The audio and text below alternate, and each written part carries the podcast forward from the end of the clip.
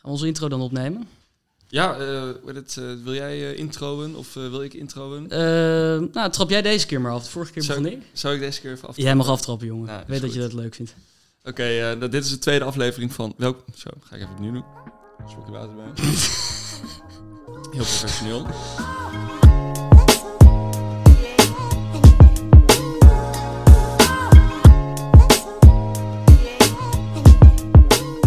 Welkom bij de tweede aflevering van De Reunist. Je luistert naar de podcast waarin Friso en ik reunisten interviewen over hun studententijd, hun loopbaan en hun leven. Friso, bij wie zijn we vandaag? Ja, vandaag zijn we natuurlijk bij een hele bijzondere gast, namelijk Veo Sikkingen. En eh Veo die heeft eh, werkervaring bij Beurt. En eh, natuurlijk ook heel veel gedaan op onze vereniging. Onder andere in de Senaat gezeten en ook voor het Siganen veel gedaan. En eh, ja, in deze podcast gaan we een beetje achterhalen wie eh Veo is. Eh, welke verhalen, mooie verhalen hij eigenlijk uit zijn studententijd kan vertellen. En ook de dingen die hij heden te dagen meemerkt eh, op de werkvloer. Ik ben heel erg benieuwd. Feio, we zijn vandaag in Apkoude. We zijn hier naartoe gereisd. Eh, ehm, het, is, het is prachtig. Het, is, het zonnetje schijnt buiten. Dat kan ik zien omdat we in een hele mooie aangebouwde serre zitten in Apkoude. Niet nader te noemen locatie, trouwens. Ehm, hoe is het vandaag? Heel goed, eh, fijn dat jullie hier zijn. En eh, dank eh, voor de uitnodiging.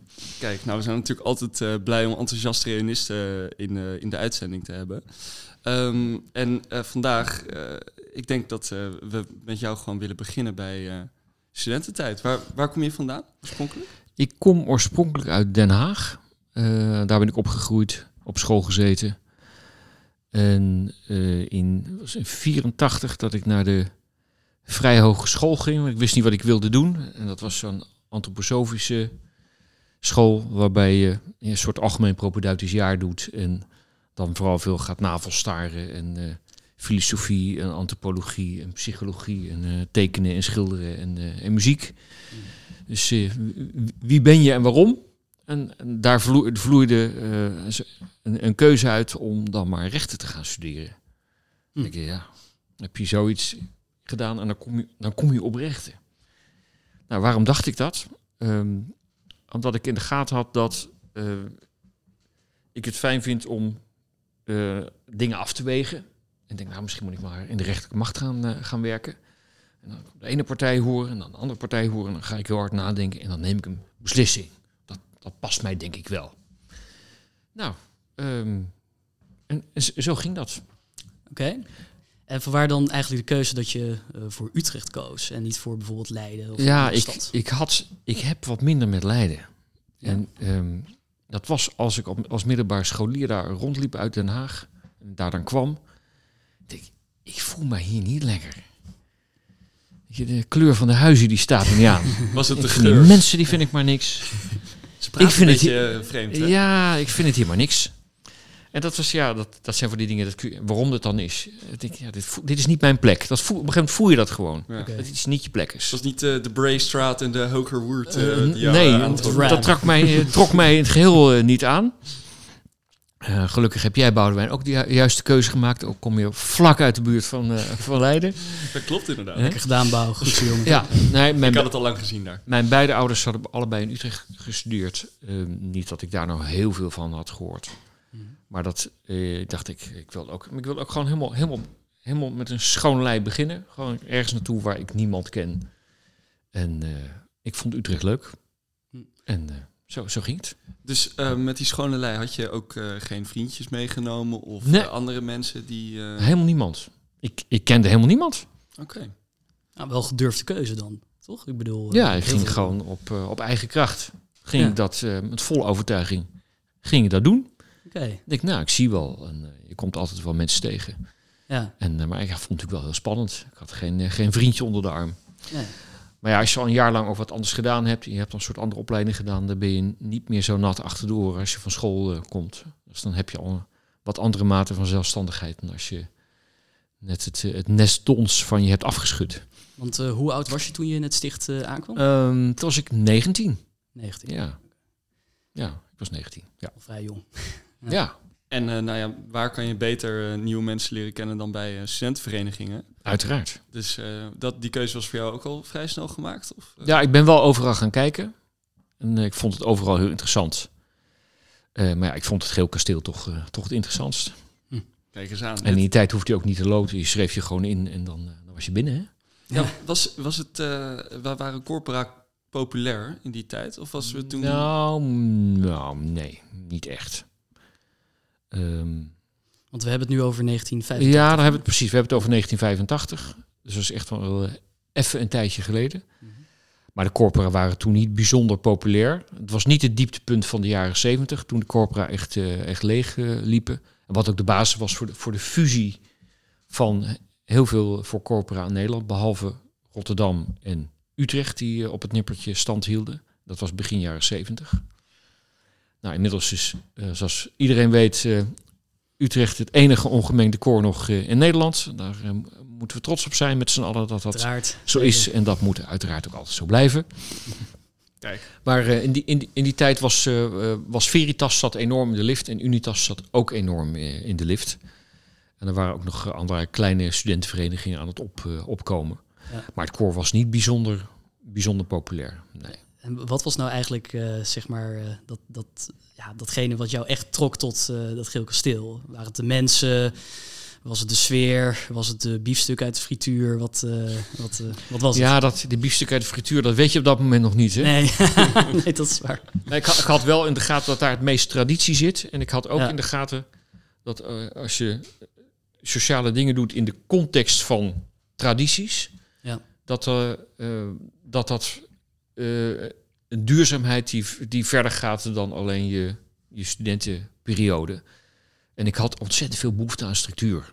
Ja. Dat vond ik dan heel fijn. Ja. Niet zo'n bloep. Ja, Weet je wat, ik, ik stap gewoon in die structuur en ik laat me meevoeren en ik, en ik, eh, ik kijk eh, eh, waar, ik, eh, waar ik aanspoel. Waar ben je uiteindelijk eh, terechtgekomen? Eh, ik ben terechtgekomen toen op de Nobelstraat. Mhm. Eh, en eh, ja, eh, dat, dat gebeurde gewoon. Op een gegeven moment word je ergens gevraagd en dan denk je van, nou ja, Ja, ja, wel leuk. Nou, dan, ga ik, dan ga ik daar wonen. was een minder systeem dan tegenwoordig. Dat je Ja, dus, er was eh, eigenlijk helemaal geen systeem. Oké. Nul. Van de, op een gegeven moment was er een moment dat er gevraagd kon worden. Dan werd je gevraagd en dan, dan ging je kijken en dan, eh, ja, nou. Dus ik ben nog op twee, drie andere huizen geweest. En dit vond ik het, leek me het leukst. Dus nou, dat ging je dan maar doen. En eh, was, is dat, eh, heb je toen op een, in een drukhuis gewoond? Met hoeveel huisgenoten? Eh op een straat, er woonden toen zes mensen. Ehm, met één echte ouderejaars. En het was toen negendejaars. Dus ik, ik kwam aan. Oh, Ik was 19. En wist ik veel. En hij was 27. Nou, echt fossiel. ja. Is tegenwoordig niet meer voor te stellen. Nee, dat, is, dat Ja. kun je tegenwoordig niet meer voorstellen. Dus eh, dat, was, dat was wel een enorm verschil. En die, die zat niet zo lekker in zijn vel. Eh, mijn tijd op Nobelstraat was niet echt heel erg leuk. Het was een huis wat heel erg gericht was op... eh, nou, eigenlijk, eigenlijk gewoon supercorporaal huis. Mhm. Veel minder relaxed dan, eh, dan wat het nu is, zover ik eh, dat, eh, dat weet. En na anderhalf jaar had ik er genoeg van. Dan heb ik gezegd, weet je wat? Ik geloof het wel. Ja. Ik ga weg. Mhm. Nou, dat die natuurlijk wel wat stof op aan. Ja, want wie gaat er nou weg uit zijn, eh, uit zijn koorhuis? Dat doet niemand. Dat hoort niet. Nee. Maar ik deed het toch. En eh, uiteindelijk begreep iedereen ook wel waarom. Ja, als het geen match is, dan moet je natuurlijk gewoon gaan. Exact. En dat, dat is tegenwoordig ook wel wat gebruikt. Het gebeurt ook wel vaker dat als je niet helemaal op je plek zit, dat je dan toch zegt, nou, weet je wat, we gaan wat anders doen. Maar dat was, dat was ongehoord. Dat, dat deed je niet. Nou, ik deed het wel. En dan moet je toch nog eh, uiteindelijk ergens eh, slapen, wonen. Ja. Eh, of was het terug naar papa en mama? Nee, dat niet. Want toen, eh, toen een vriend van mij uit eh Tigana, daar komen we zo denk ik ook nog wel op. Absoluut. Ja. Die, eh, eh, die zegt, ik begin een nieuw huis. Er zit ergens een plek, daar gaan, zitten allemaal oude lullen. Eh, van eh, uit allerlei verschillende hoeken en gaten. En die, eh, weet je wat, als we daar, wij nemen nu samen daar een nieuw huis beginnen. En binnen een jaar zijn, anderhalf jaar zijn ze allemaal weg. En starten wij ons eigen huis. Nou, zo gezegd, zo gedaan aan de Tolstegsingel, mooi aan het water. Ah ja. ja. Nou, en toen werd het super. Het Ah, was leuk. hartstikke leuk. Mooi. Het was niet meer 67 stappen naar de kroeg. nee, vijf koprollen en je was Ja. er. Nee, dat, Ja. eh, ja, nee. Staat, staat het huis er nog steeds? Eh, steeds? Nobbelstraat Ja. en Beach. Nee, ja, ja. die- maar de, de Tolsteeg? eh? Nee, dat niet meer. Dat huis eh, is uiteindelijk eh, leeggemaakt. En ehm, eh, dat is eh, volgens mij in particuliere handen verkocht. Er zit nu... eh, Nu een of andere hippe ja. frozen yoghurt. ik weet- tent, ik weet- nou, Die zal het zeggen in onze hippe stad. Hè. Dat, dat soort ja. dingen. Ja. Oké, oké, top. En eh, nou, de muziek, dat is natuurlijk een... eh, ja, onze redactie eh, heeft het hier beschreven als wel een leidraad door het leven heen. ja, dat kun je wel zeggen, ja. Misschien nog wel belangrijker dan de carrière. Ehm, dat is een mooie gewetensvraag. Als je, geen, als je de, de, je, je zwijgrechten wil inzetten, dan mag kun je dat nu doen inderdaad. Je weet wie er bij Bird Bird meeluistert. Nou, het is allemaal geen geheim, ook, ook daar niet. Eh, voor muzici ben ik eh, ehm, een, een, eh, iemand die een kantoorbaan heeft en ook muziek maakt. En eh, op kantoor ben ik, eh, is het precies andersom. Juist. Mhm. Dus voor, voor mij, het zijn twee werelden die, die heel goed samengaan eh voor mij. Ja, precies. En eh, ja, fulltime leven van de muziek. Ik heb ook wel over gedacht om een professioneel muzikant te worden. Ik speel piano en, en keys. En altijd in verschillende bands. En ik had al wel echt als jong, jonge muzikant in de gaten. Dat het heel erg moeilijk is om daar je brood mee, mee te verdienen. Muziek maken is één, maar muzikant zijn is twee. Dat is toch echt iets heel anders. Ja, zeker. Absoluut. En, maar natuurlijk ook hè, je studententijd. eh, je bent uiteindelijk bij Tsigane terechtgekomen. En eh, wat was eigenlijk dat eerste moment? Kwam je ze op een gegeven moment tegen? Hoe, hoe, hoe dat ging. gegaan? Nou, Ja. Tsigane bestond eigenlijk helemaal niet meer. Oh. oh, echt? De Tsigane is, althans de swingafdeling, en daarna ook die zigeuners zijn in de jaren 70 teloor gegaan. Ja. En voor de swing gold dat in 1970 ongeveer. En toen ik aankwam, er waren toevallig in mijn jaar waren er alle jongens die, eh, die ook instrumenten speelden. En toen waren er twee ouderejaars, Peter Post eh, en Ewout Platen. Peter Post zat toen in toneel, het jaar dat ik aankwam. En Ewout Platen was een jaar boven mij en die zeiden... laten we eens kijken of we niet gewoon weer een soort eh jazzbandje kunnen gaan beginnen. Dus die hebben ons bij elkaar gezet. Ja, wisten wij veel van traditie. Ja, denk, ja, leuk. Dus toen kwam er allerlei muziek op tafel en eh, dat gingen we toen, eh, toen spelen. En het werd een enorm succes. Dus binnen no time hadden we overal eh, optredens. En we wisten natuurlijk wel van Tsigane, maar de geschiedenis van Tsigane Swing die kwam al snel tot ons. Dus toen, eh, eh, denk ik twee jaar nadat we zijn begonnen, zijn we officieel ook Tsigane Swing geworden. En daarmee is de traditie van, van Tsigane Swing eigenlijk weer opnieuw leven ingeblazen. Tot, tot op de dag van vandaag. Dus ik kijk Ja. elk jaar nog steeds met heel veel plezier met hoe dat, eh, hoe dat gaat. En als ik dan eh, mag vragen om even een, ja, een bijzonder optreden of een bijzonder moment in de, in, de- in, de, in de stad. Of je daar nog iets over zou kunnen vertellen. Is er een verhaal wat ja, eruit dat is springt? natuurlijk wel een verhaal wat er, eh, wat er uitspringt. Dat was... ehm Tziganen betekenden niet zoveel op de kroeg. Van, ja, surfers, die zijn allemaal, wat zijn die aan het doen? Die, zijn, die drinken veel te weinig en die zijn te weinig. Dus wat dragen die nou bij? En toen hadden wij moment bedacht, in 1987, we gaan een jazz night organiseren. Dus we vragen alle corporale jazzbands uit, eh, uit Nederland vragen we bij elkaar. En eh, op de kroeg. En dus, ze zeiden, dus we gingen naar de Senaat van ja, nou, we hebben wat, eh, we hebben wat funding, maar we hebben ook wat funding vanuit de kroeg nodig. Nou, voor- vooruit er maar. We moesten maar zien hoe dat ging. En we hadden in, in een van onze jaargenoten, uh, Jouke Buma, die hadden we opgetuigd als, als mascotte. En die, die stond in, in, in rok en met een zwart gemaakt gezicht, kun je je nu niet meer voorstellen. Met een Nee, niet meer van deze tijd. Dat kan echt niet meer. nee. Maar toen kon dat. Ja. En die, en, die, en, die, en die praten de zaak aan elkaar. En toen hadden we dit georganiseerd. En eh, toen waren er zeven corporale bands. En eh, toen hadden we 1200 man op de kroeg. Afgeladen. Ja, we hadden onszelf natuurlijk geprogrammeerd op het, op het hoogtepunt. En eh, dat was een van onze eerste optredens voor zoveel mensen eh, tegelijk. En ik weet nog wel dat eh, gaandeweg de druppels van het plafond gewoon Ja. naar beneden in de bierglazen vielen. En een mooie avond. En sindsdien, ja. Ja. als je natuurlijk Als je het, het voor 1200 man een feest tot tot vijf uur s'nachts duurt, Ja. dat geeft flinke omzet. Ja, Ja. en dan, dan, dan heb, je, heb je een goede bijdrage aan de kroeg geleverd. En, en sindsdien waren we, waren, we, waren, we, waren we tof. Ja, Ja, super. je moet je, moet je, plek, je moet je plek verdienen. Hè? Ja, nee, dat sowieso. Dat gaat niet vanzelf. Maar ook gewoon zeg maar dat het feit gewoon dat je nog feest had hè, met 1200 man. Ik denk dat eh, de huidige generatie leden eh, daar heel erg naar snakken en Ja, van ik, kunnen eh, dromen. Ik van- mensen van de huidige Eh, generatie die dit horen, Ja, die, absoluut toe, dat dat weer Ik komt. hoop niet dat jullie zijn depressief worden, beste luisteraars. onvergetelijke moment. En dat was overigens feest, Boudewijn, dat ik jouw vader voor het eerst leerde kennen. Want die speelde daar ook met zijn band. Want die studeerde in Amsterdam. Ja, dat is misschien wel even leuk om eh, toe te lichten. Want eh, eh, mijn vader die, is ook iemand met een kantoorbaan die daarnaast in de muziek zit. Lekker tettert. Ja, precies. Die heeft een hele grote toeter waar hij heel hard op kan blazen. En, Vooral hard. ja, hij, hij, hij kent jouw neef van vroeger. Dat zijn jeugdvrienden van elkaar. En uiteindelijk via de muziek heeft hij ook jou mogen ontmoeten, Feio. Hoe, hoe, hoe was dat? Volgens mij, als ik me goed kan herinneren, heeft hij jou beschuldigd van het niet kunnen spelen van akkoorden van... eh, welk nummer was het ook weer? Don't worry about a thing. Ja, ja, ja, ja. Heeft de redactie ons Ik kan er bijna op wachten op deze. Ja, ja. ja, en dat is niet zozeer omdat eh, ik het nou fout deed, maar omdat jouw vader graag wil horen dat hij het bij het rechte eind heeft. Ja, Zo ken ik hem ook, ja. ja. meningsverschillen. Ik heb dat nummer ooit een keer uitgeschreven, jaren geleden. En eh, ja, ik wist wel dat het niet helemaal oké was. En dan heb je, ja, ben foute akkoorden. Dus toen dacht ik laatst, dan hadden we een repetitie, laat ik het nog eens even afluisteren. En ik, oh ja.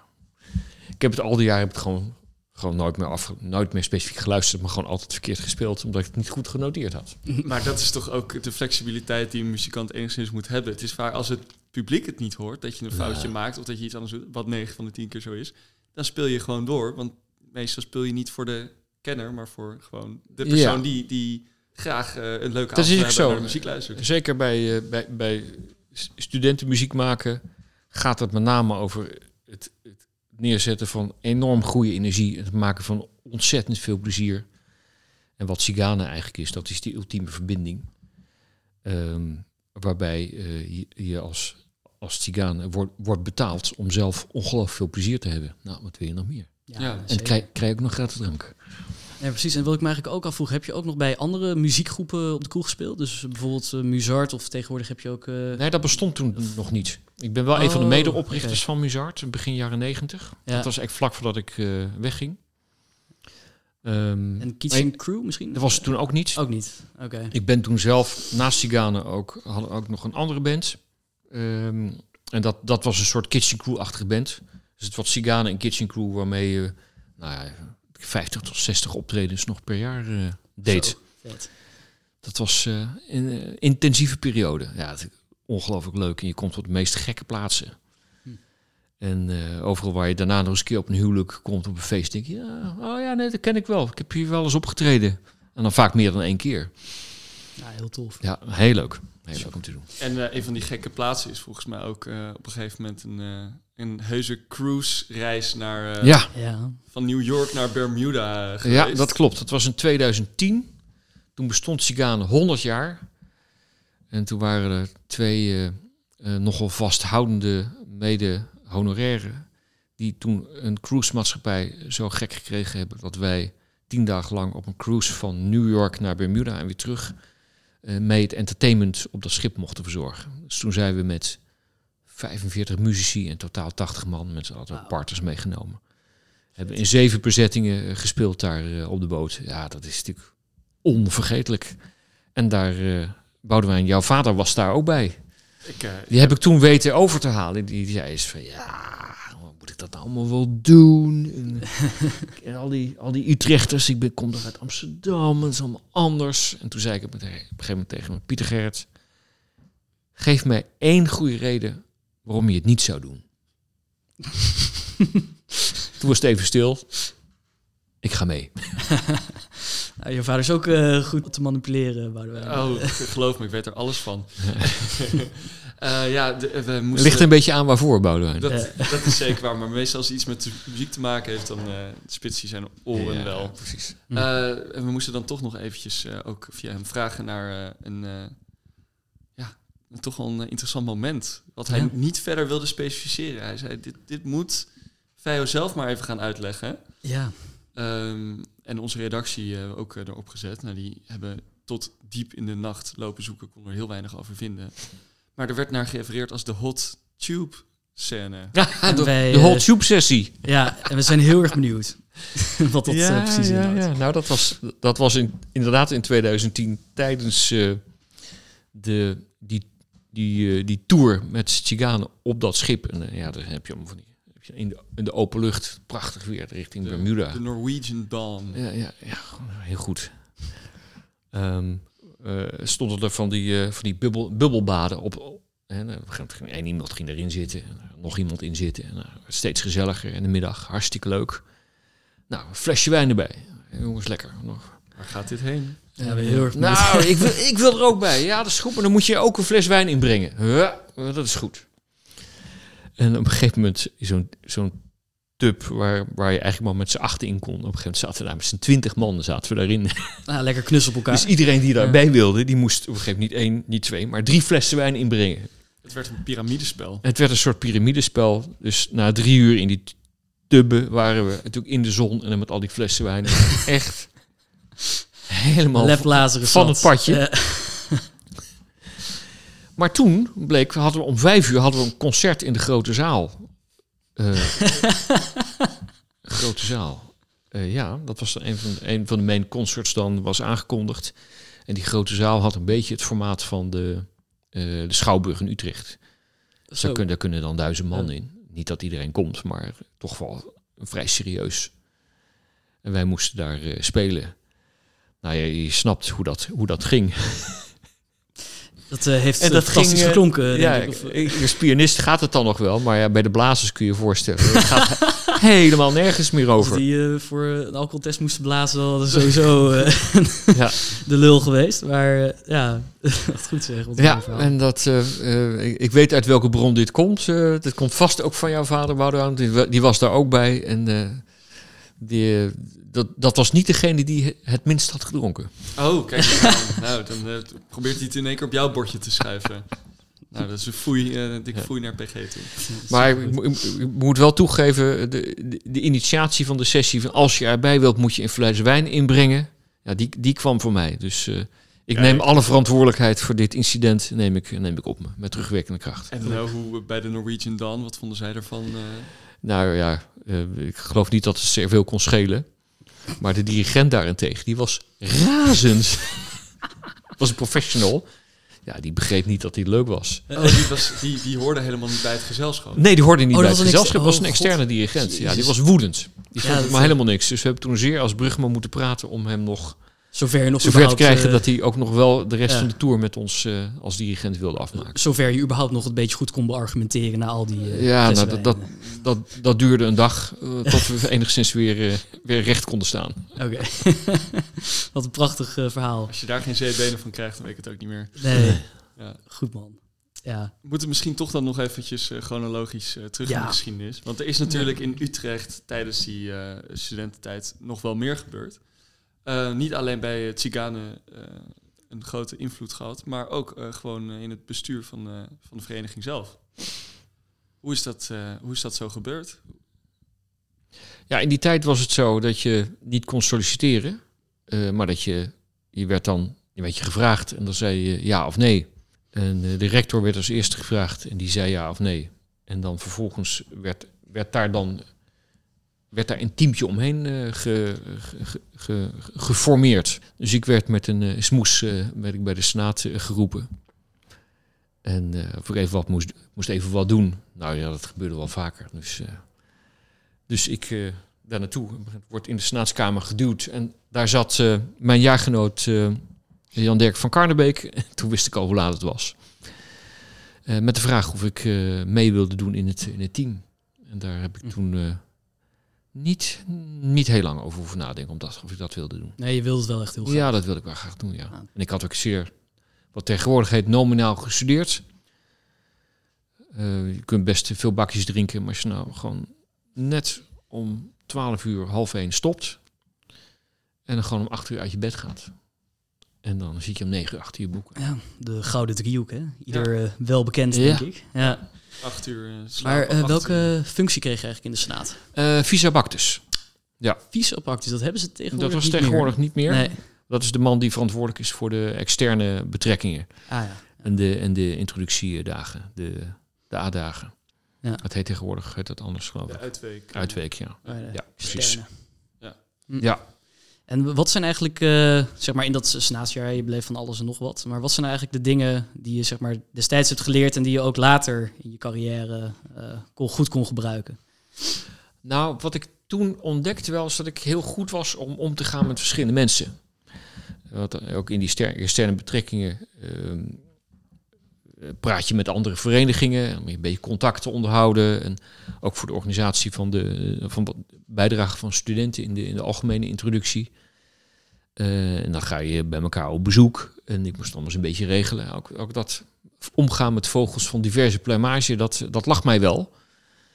Eh, de diplomatieke daarvan. En toen eh, in, bij die rol in de Senaat zat ook de rol van de secretaris van de, de Stichting Utrechtse Koorhuizen. Mhm. En die werden op dat moment verbouwd. Dus ik kwam ook in een heel verbouwingstraject terecht, wat ik allemaal moest eh, begeleiden met een, eh, met een aannemer en een projectleider. En er werden zes, zes studentenhuizen tegelijk verbouwd. En ik, ik moest dat leiden. En eh, ja, toen ontdekte ik ook dat ik eigenlijk heel erg goed was in zo'n heel project, zo stap voor stap tot een eind te brengen. Oké. En eh, dat, dat, ja, dat zijn hele. En ja, überhaupt ook als je met, met zo'n team van mensen bij elkaar komt, ook al heb je elkaar niet 100% zelf uitgekozen, daar het beste uit te halen. Ja.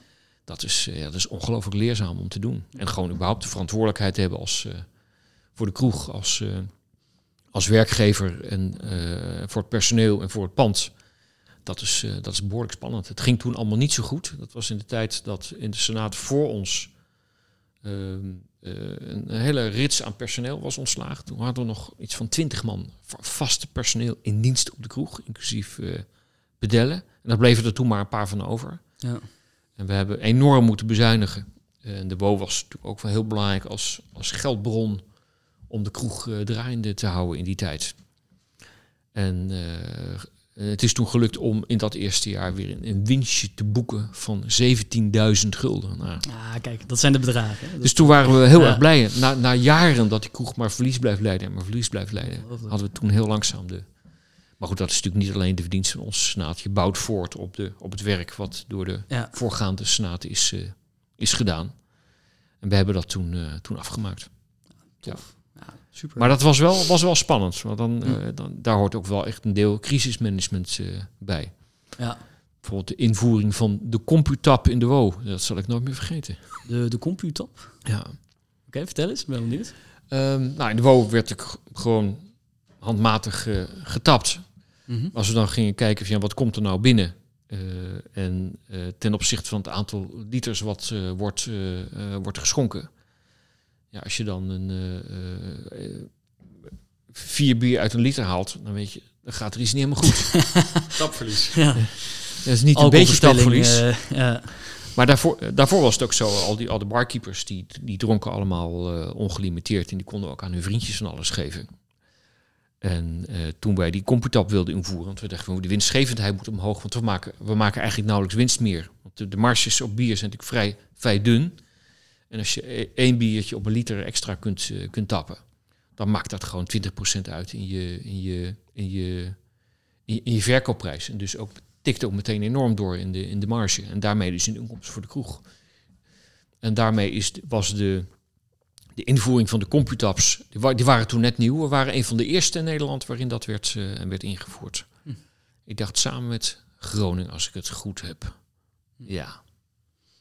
Is dat wat, wat bij mij bekend staat als de kliktap? Dus, Ja. Ja, de, ja hè? ik zat al een beetje na te denken. Ja, over. Ja. Het, eh, Het, het computap is in feite, je, je zet hem open en je, je houdt de biertjes eronder en dan komt er iedere keer zo'n Ja, nee, straaltje komt Ja, eruit. Dat hebben ze nu overal. Hè? Ja. In je tijd als Of je, tapco. of is je schuift gewoon zo'n hele la tray met bier, schrijf je eronder en dan, Ja, en dan eh, heb je, heb je, heb je een, eh, een blaadje bier wat je in één keer eruit eh, trekt. de raptap. Ja, maar dat is dus Ja. allemaal in jouw... eh, Dat was toen allemaal hartstikke nieuw. Gebeurd? Ja, Oké. maar de WO, het WO-bestuur wilde dat natuurlijk helemaal niet.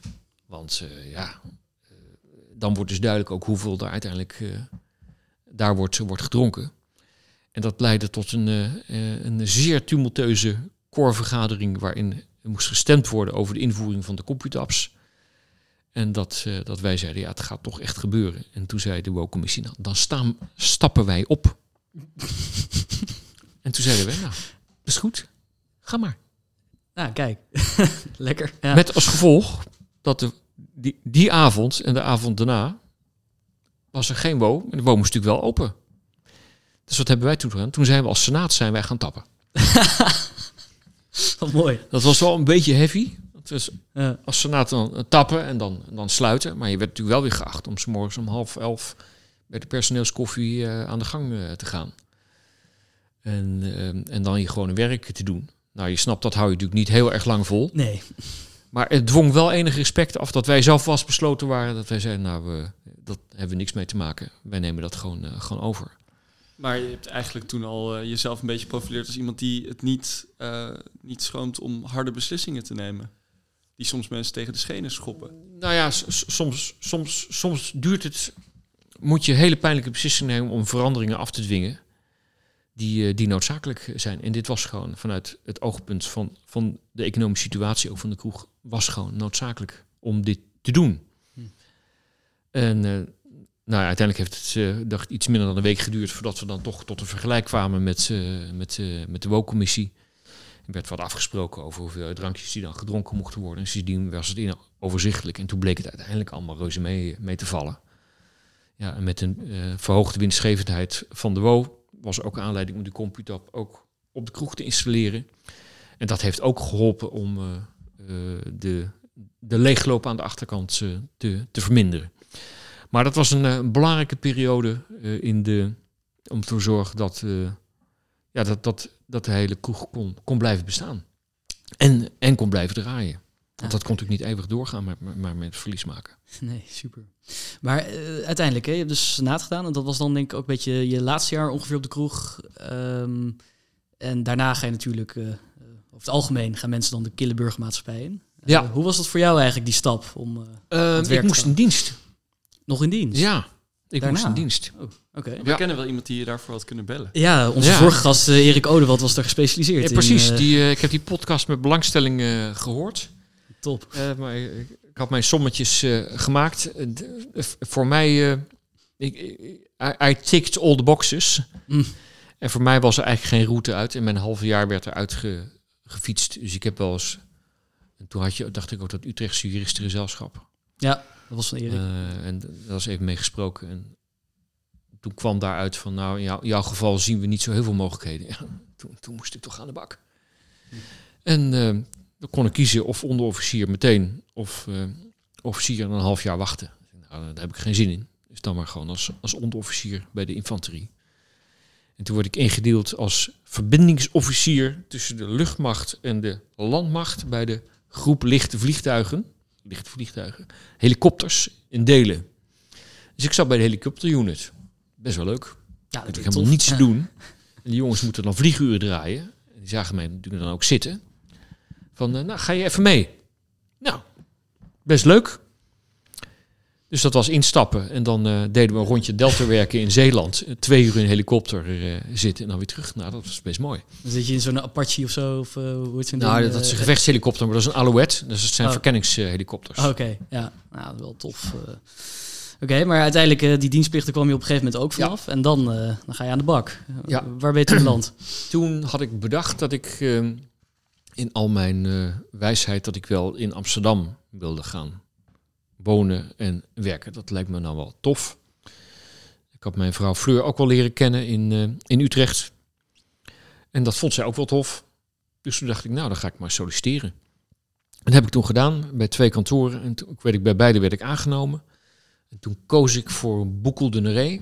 En dat is nu Dentons. En eh, daar zat al een clubgenoot van mij. Ah, kijk. Ja. En toen zaten daar met z'n tweeën. Dat was best wel leuk. En toen een jaar later kwam de derde clubgenoot. Dus toen zaten we met drie, drie clubgenoten bij hetzelfde kantoor. Dat zal ontzettend gezellig zijn geweest daar. Ja, daar werd wel een beetje vreemd naar gekeken met die jongens die ook nog voor die pochetjes... eh, Kwamen ze met pochet naar werk? ik wil pochet naar werk. ja. Wat goed. aan. Dat is een mooie tijd. Next ja. level dichtgetikt. Ja, eh. ja. Ja. Zo. Nou, dat is één ding, da- daar schaam ik me eigenlijk achteraf toch wel behoorlijk voor. Had- je hebt dan, op dit kantoor heb je een kantoorcabaret. Mhm. En eh, dan, eh, nou ja, dan wordt er natuurlijk allemaal grappige rollen uitgehaald. En eh we hadden bedacht, wij doen ook iets voor het kantoorcabaret. En toen hebben we ons gepositioneerd met een lied als De Drie Pochetjes. hallo, hallo, wij zijn de Drie Pochetjes.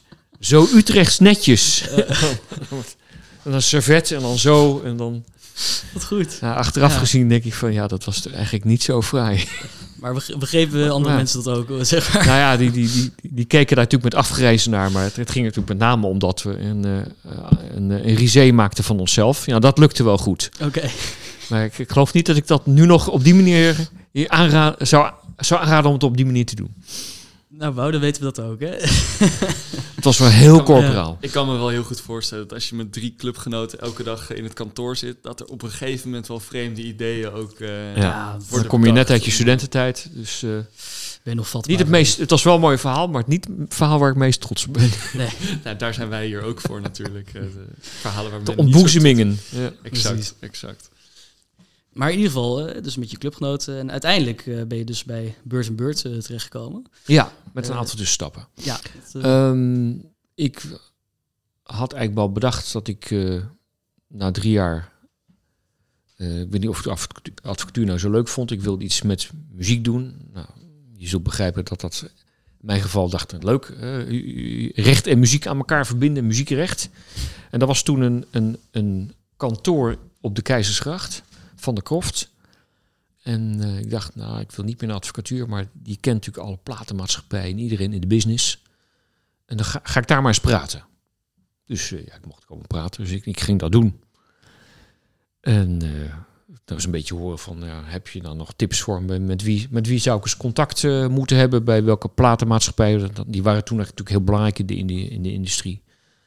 En toen na een minuut of twintig, toen zei Van der Kroft... Nou, ik weet eigenlijk wel genoeg. Wanneer wil je beginnen? En ik kwam helemaal niet solliciteren. Oké. Nou, dat, is, eh, Ja, dat was gewoon geheadhunt eh eigenlijk. Ja, gewoon totaal uit het niks. Ja.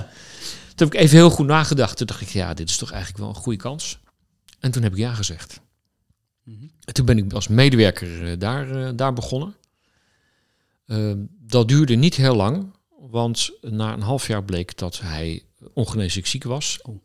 En na eh, ongeveer 14 maanden nadat ik daar begonnen was, toen overleed hij.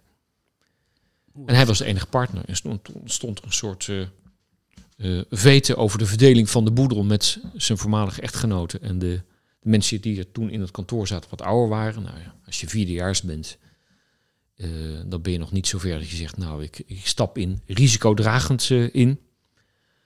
En eh, toen ontstond er weer zo'n haantjesgevecht. En dacht ik, ik heb helemaal gehad met die advocatuur. Ik stap over naar A2000. En A2000 was toen de doorstart van kabeltelevisie Amsterdam, het ka- kabelbedrijf. Mhm. Wat toen in private handen kwam en wat de begin was van de liberalisering van de telecommarkt. Ja, want Ja. toen moest eh, de hele internet gebeuren natuurlijk nog opkomen. AT Ja. 2000 was eh, een van de eerste partijen die ermee aan de slag ging. eh. Klopt, een, een van de allereerste. En ik kwam daar in, in juni 97, weet ik nog. En toen was het plan, weet je, wij gaan telefonie. Bellen via de kabel gaan we introduceren. Nou, dat was iets nieuws. En nou, mooi, dat gaan we dan doen. We gaan internetten.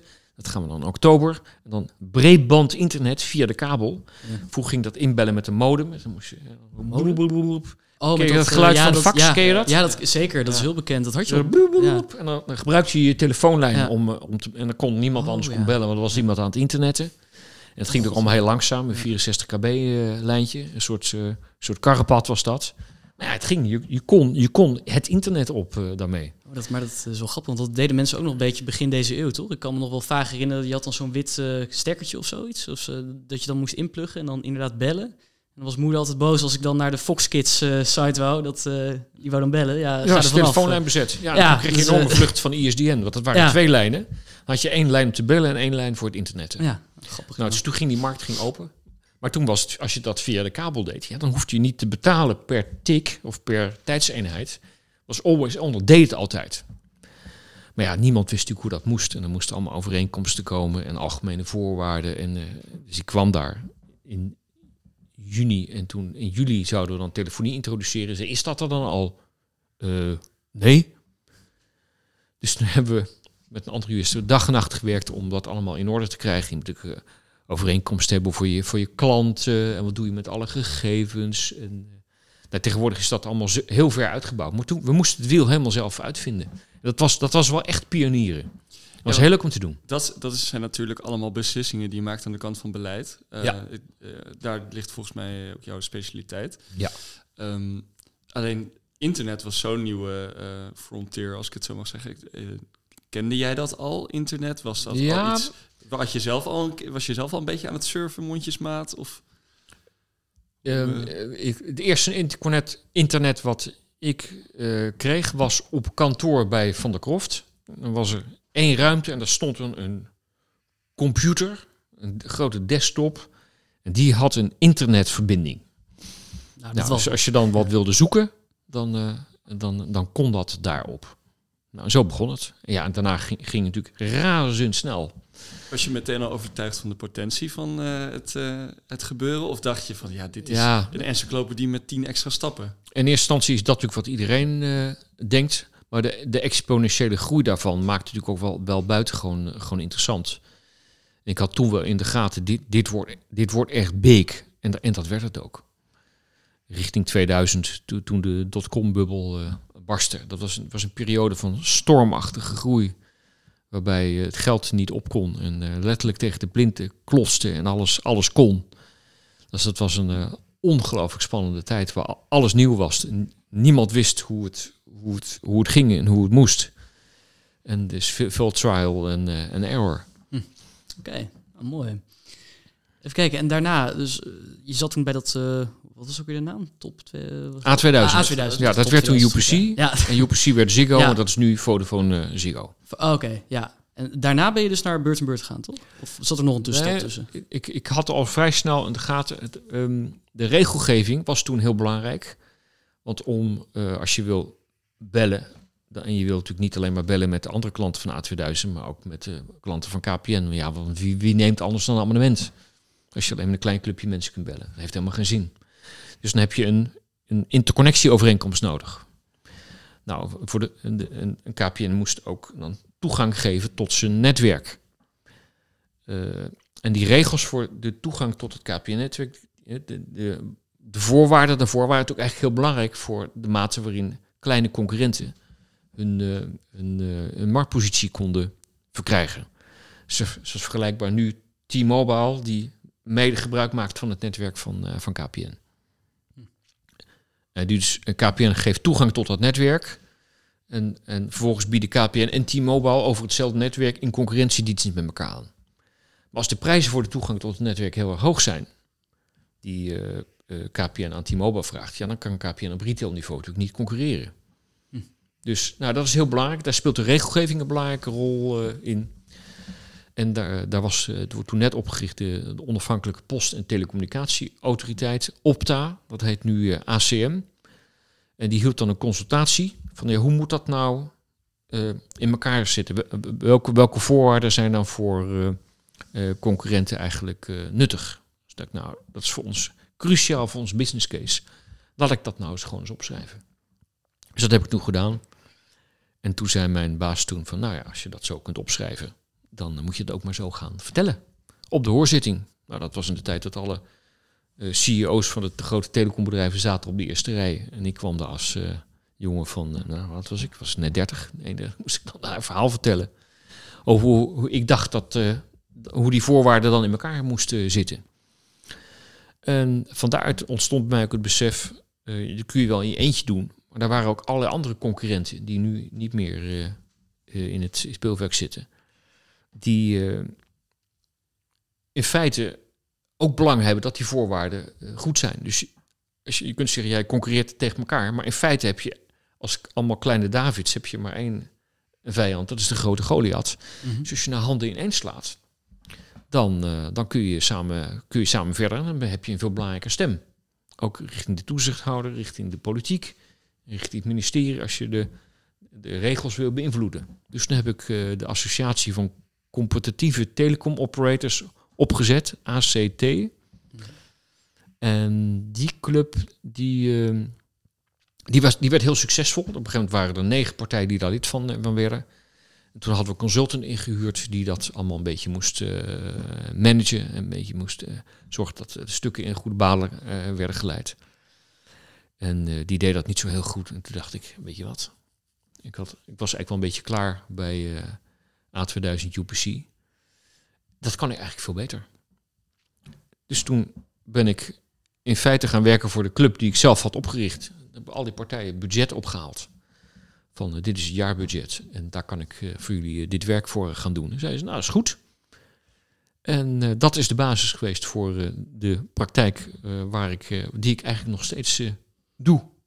En nog steeds met veel plezier. En nog steeds met veel plezier doe. Ja. Ja. Ja, ik kan me in telecom. voorstellen Ja. in een wereld die zo snel verandert en zo snel eh, groeit ook, dat eh, de vraagstukken die eh, eh, voorbij komen heel erg uiteen kunnen lopen. Ja.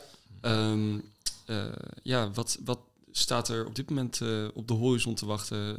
Moet ik aandelen KPN gaan kopen? Wat, eh, kan je, kan je Ja, dat, dat, dat kun je, dat kun je zeker doen. Ehm, ja, op dit moment wordt natuurlijk enorm geïnvesteerd in glasvezel. Eh, Nederland he- heeft op dat punt een, een koploperpositie in, in Europa. En eh, er zijn eigenlijk nog maar 20.000 huishoudens in Nederland die nog niet over snel internet kunnen beschikken. De uitrol van glasvezel is volgens KPN in 2025, 26 afgerond. Dan heeft iedereen dus eh, snel, snel internet. Maar ja, dan komen er weer allerlei nieuwe uitdagingen. Maar dat zijn investeringen voor de, voor de lange termijn. Dus als je KPN wil kopen als aandeel, dat is, dat is prima.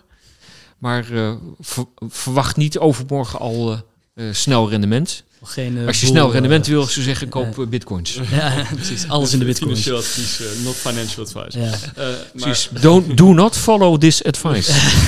exact, exact. We weten ook niet waar we het over hebben. Nee. dat hoop ik wel. Ja. Nou, ehm, natuurlijk, eh, je carrière is uiteindelijk ehm, eh, ook om jouw eh, ehm, passie te faciliteren. Eh, Ja, Natuurlijk heb je een passie voor hetgene wat je doet, maar eh, in de muziek, dat is denk ik waar we jou ook erg gepassioneerd voor ja, ik leid eigenlijk een beetje een dubbel leven. Daar komt het wel op neer. Dat eh, zagen we inderdaad ook eh, op je LinkedIn, zeg maar. Dat hadden we ook even gescand. Eh, daar tipte de redactie ons ook op. Ja, heb jij daar op zitten kijken? Ik heb, ik heb nee, gekeken, hoor. nee, maar de redactie die tipte me op, eh, Ah. zeg maar, die LinkedIn-pagina van eh Fio. En, eh, Beginnen brutaal te worden trouwens, die gasten. ja, ik ben ook wel helemaal klaar mee. Maar ehm, in ieder geval, wat er dus eh, op stond, je doet echt in heel veel belangengroepen heb je gezeten die gewoon met muziek eh, Ja. te maken hebben. En Nog steeds. Ja. En, en natuurlijk uiteraard eh, nog steeds. En eh, Ja. wat je misschien niet weet, we hebben ook altijd een vast eh, item in deze podcast. En dat is het item eh Boudewijn eh, wilt worden. En wij zagen dus ook hè, dat je bij, bij muziekstichtingen zat. En als Boudewijn ook zeg maar hetzelfde zou willen worden als jou. Ik wil graag voorzitter worden van ja. een muziekorganisatie. Ja, hoe doet hij dat? Om maar iets te noemen. Van een het, eh, muziekorganisatie. ja, laten we, laten we Ja. bij het... eh, Geef eens, ma- maak het eens concreet. Laten we bij het concours beginnen, zou ik zeggen. Het Prinses Christina Concours. Exact. Je je wil, daar voorzi- je wil directeur worden van het Prinses Christina Concours. Niets liever. Ja, niets liever. Oké. Wat heb je daarvoor nodig? Ja, natuurlijk eh, een gezonde dosis kennis van, van muziek. Niet alleen jazz, maar ook vooral klassiek. Een goed zakelijk instinct. Een meer dan gemiddeld vermogen om, eh, om te netwerken. En eh, ook eh, ja, leiderschapskwaliteiten waarbij je een- met een hele organisatie, met, met personeel, dat je die kunt, kunt aansturen. Hm. En je moet heel goed kunnen babbelen en je moet heel goed eh, centjes kunnen lubben. Klinkt echt als een baan voor jou. ik hoop het, ik hoop het. Ehm, eh, op YouTube iets eh, heeft de redactie me toegestuurd. Dat was heel interessant. Over dat is eh, jazz in, in China. Ja, ja, ja. Hoe kan het toch dat die Chinezen eh, zo, eh, zo, zo, daar zo goed op eh, gaan de laatste ja, dat is toch bizar, hè? Dat is een groeiende markt. Ja. ja. Dat is ongelooflijk. Ik heb hebben we het nog niet over gehad, maar ik heb een West Coast Jazz tentet waar, waar jouw vader Boudewijn ook uh, in gespeeld heeft. En uh, op een gegeven moment uh, hoorde ik, en dat was denk ik via de band van jouw vader, Licks and Brains, die waren naar China geweest om daar te toeren. Toen dacht ik, ja, dat wil ik ook. Dus toen heb ik dat op de rails gezet en dat lukte allemaal. En toen zijn we tien dagen met de band naar, naar China gegaan. Wauw, leuk zeg. En ja, dan kom je daar dus met een Nederlandse band, gedeeltelijk amateurs niet professionals en professionals, ongeveer 50-50. En dan sta je daar een zaal voor, voor duizend man of 1200 man. En dan sta je Amerikaanse muziek te spelen. En die mensen die gaan uit hun dak. en het is eigenlijk gewoon heel gek. Je bent onderdeel van de Chinese cultuurpolitiek. En dat was wel een hele bijzondere ervaring, moet ik, uh, ja. moet ik zeggen. En daarna wilden ze natuurlijk met jullie heel graag op de foto, denk ik. Hè? Dat ja, de Chinese... Je, je, eindeloos moet je op de foto en cd'tjes ja. verkopen. En we hadden een ik, ik had uh, mijn dochter Aniek meegenomen als drummer. Mm -hmm. Die deed toen de, de jong talentklas. En samen met onze andere drummer. Dus zij deed één set en hij deed één set. En een, een donkere zangeres. Nou, dat, dat trok wel bekijks uh, daar in, in China. Dat vonden ze allemaal heel mooi. Ik kan me goed voorstellen. Ja. Ik denk dat ik dat wil worden. Ik denk dat ik jazz-exporteur naar China wil worden. Ja? ja. Dat, dat, dat klinkt ook als een vrij unieke baan. Ja, dan is de zaken doen met de Chinezen is wel een uitdaging. Kan ik me heel goed voorstellen. Ja. Maar een beetje muziek en uh, lekker drankje en een uh, hele enthousiaste band, dat helpt daar. En vooral heel veel drankjes. ja, daar houden ze wel van. heel veel drankjes, daar houden ze wel van. Ja. ja. ja. Oké. Okay. Fantastisch. En um, op dit moment, ja, er kan natuurlijk heel weinig muziek gemaakt worden. Dat is een beetje... Nou, valt wel mee. Ja, ik, ik maak wel veel meer, muziek. Uh, dat, dat is niet wat ik bedoel natuurlijk. Er kan weinig uh, opgetreden worden ja. hè, als het gaat om uh, de, ja. de, de, de, pandemie en alles wat ermee om, om, van doen is. Um, hoe kijk jij daar tegenaan? Is je alweer, probeer je alweer deals te maken voor aankomende zomer met...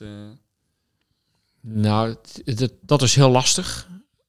Heel veel locaties ehm, proberen hun, hun uitgestelde optredens weer op te schuiven. Uh, dus er zitten een aantal in de, in de pijplijn, maar uh, toezegging is op dit moment heel, heel erg ingewikkeld. Hm. En uh, mensen willen zich ook liever niet, niet vastleggen. Nee. Dus dat, dat komt wel weer. En ik, maar ik maak, ik maak veel online muziek en dat werkt ook heel goed. Ja. Kijk, misschien als de luisteraars dat willen vinden. Is dat op YouTube of te vinden? Of? Um, wat ik maak nu op dit moment online. Ja? Um, ik bedoel iets anders. Oh. Dat is um, tegelijkertijd samenspelen op afstand via internet. Oh, ja, ja. Je hebt daar uh, een, een, app voor, programmaatje, uh, Jamulus. En dan prik je allemaal in op één server. En dan, uh, als je een beetje snelle verbinding hebt, en dan wordt daar het signaal, net zoals wij hier met deze mengtafel en microfoon zitten, wordt dan weer verdeeld. Dan ja. zie ik mijn koptelefoon op. En dan, dan klinkt degene die in Londen zit, die klinkt alsof hij in een kamertje naast je zit. Ah, ja. Als je een beetje snelle verbinding hebt, met niet al te veel vertraging. En daar kun je fantastische resultaten mee bereiken. Dus ik heb daarmee een band opgezet met een bassist in Londen en een trompetist in Hannover en nog wat Nederlandse vrienden. En dan spelen we dus letterlijk real-time online spelen we, spelen we samen. Hm. En uh, die band die hebben we uh, No Excuse genoemd. Dat is geen, nooit een excuus om muziek te maken. No Excuse schrijf je met N-O-X-Q-Q. No Excuse. Mm -hmm. En het idee is, uh, als we ons hele repertoire uh, compleet hebben en we kunnen weer optreden, dan organiseren we een concert. En dan, dan is de eerste keer dat we elkaar in het echt zullen zien, uh, is op het podium. Kijk, dat is niet dat is meer dan prachtig. ja, dat is en zo zie je maar dat je ook in tijden van corona, waarin het lastig is om je te verbinden met andere mensen, toch alternatieve manieren kunt verzinnen om heel erg met mensen te connecten. Ja, de creativiteit. Op manieren die je nooit had bedacht. Ja, ja. ja. interessant joh. Nou, dat is, uh, dat is uh, fantastisch. Ik denk dat dat dan ook een mooie uitsmijter is voor uh, deze tweede aflevering van de Reunist. Zeker. Um, wees creatief, vooral in tijden waarin de regels niet alles toestaan. Ja. Um, er is geen excuus om zelfs een passie zoals muziek, zelfs zoiets als samenspelen, om dat niet... of om een eigen podcast te beginnen ook. Hè. Dat, om maar iets te doen, ja. Oké. Okay. Um, ja, Feo, um, dit was het natuurlijk. Maar willen jou natuurlijk niet... Uh, willen jou, jou, natuurlijk nog iets moois geven. omdat we ja, toch wel hier te gast mochten zijn. En jij onze tweede gast wou zijn van de Renis podcast. Dus ik ga even iets voor je pakken. Een eh, mooi cadeautje. Zo, kijk, Ja. Friso die eh, is onderweg. Heel erg subtiel. Ik wil even trouwens mijn tas vinden. Ga je even jouw tas zoeken. Dan eh, wil ik jou nog vragen, Fij, of eh, wilde je zelf nog eh, iets? Ehm, ja, ik zat nou even te denken, wa- wat is nou eigenlijk eh, mooi om, om mee te nemen als je naar deze podcast eh, luistert? Ehm, wat ik altijd zeg, ja, je, je, krijgt, je krijgt de ruimte die je neemt. Eh, uiteindelijk maak je zelf je, je weg. En iedere weg is, eh, is uniek. Eh, de, de weg die ik doorlopen heb, had ik voor mezelf nooit, nooit kunnen bedenken. Maar teruggrijpend naar waar ik, wat ik vertelde over de vrije school, waar ik bedacht had om eh, in de rechterlijke macht te gaan zitten. Een beetje wik en weeg in de verbinding te zijn tussen partijen en een beslissing te nemen. Die elementen komen wel terug in mijn huidige werk, maar niet op de manier waarop ik dat ooit van tevoren had kunnen bedenken. En ik heb eigenlijk, eigenlijk altijd mijn eigen werk gemaakt. En dat is wat ik iedereen kan aanraden. Ook al ben je in loondienst of als, als, als ondernemer. Maak je eigen werk. Je bent, je bent de vader van je eigen succes. Ja, dat, vind ik, dat vind ik nog mooiere uitsmijter misschien wel.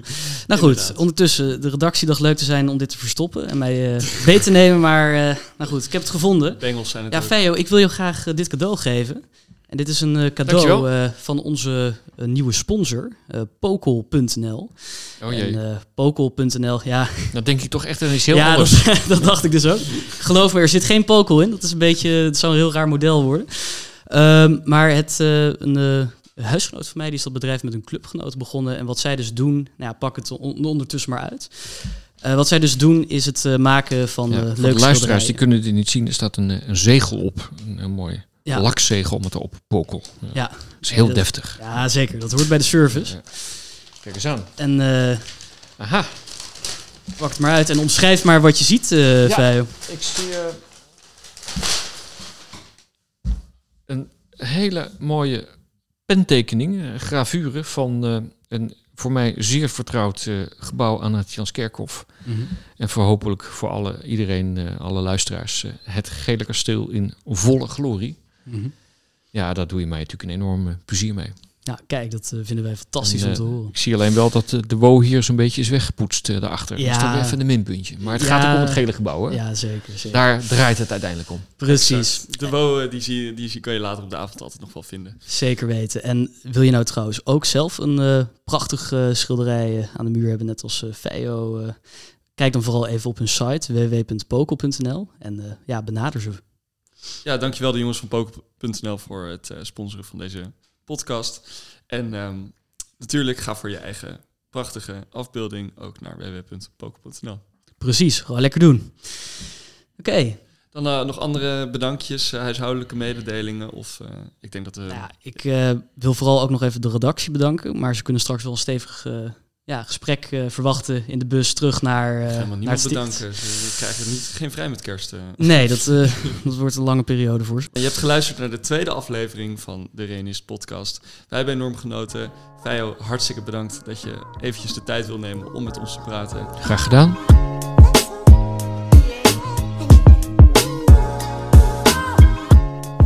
Zijn er nou andere interessante reunissen die jij heel graag op de podcast zou willen zien? Of een vraag die je altijd beantwoord zou willen hebben door een reunist? Mail dan naar www.derenist.podcast.gmail.com Heel goed, Boudewijn. Dat heb je inderdaad goed keer. onthouden. In één keer. En eh, wat je ook kan doen is, eh, we hebben sinds kort ook een Instagram pagina en daarop kun je dus ook een PM sturen. Ehm, dan kom je in contact met onze redactie en dan eh, ja, komt het helemaal goed. Wat is onze Instagram ad? Ehm at derenist.podcast. Kijk eens aan. Derenist.podcast op Instagram. Ga ons volgen en bedankt voor het luisteren. Ja, super bedankt jongens en eh, tot de volgende keer. Hoi.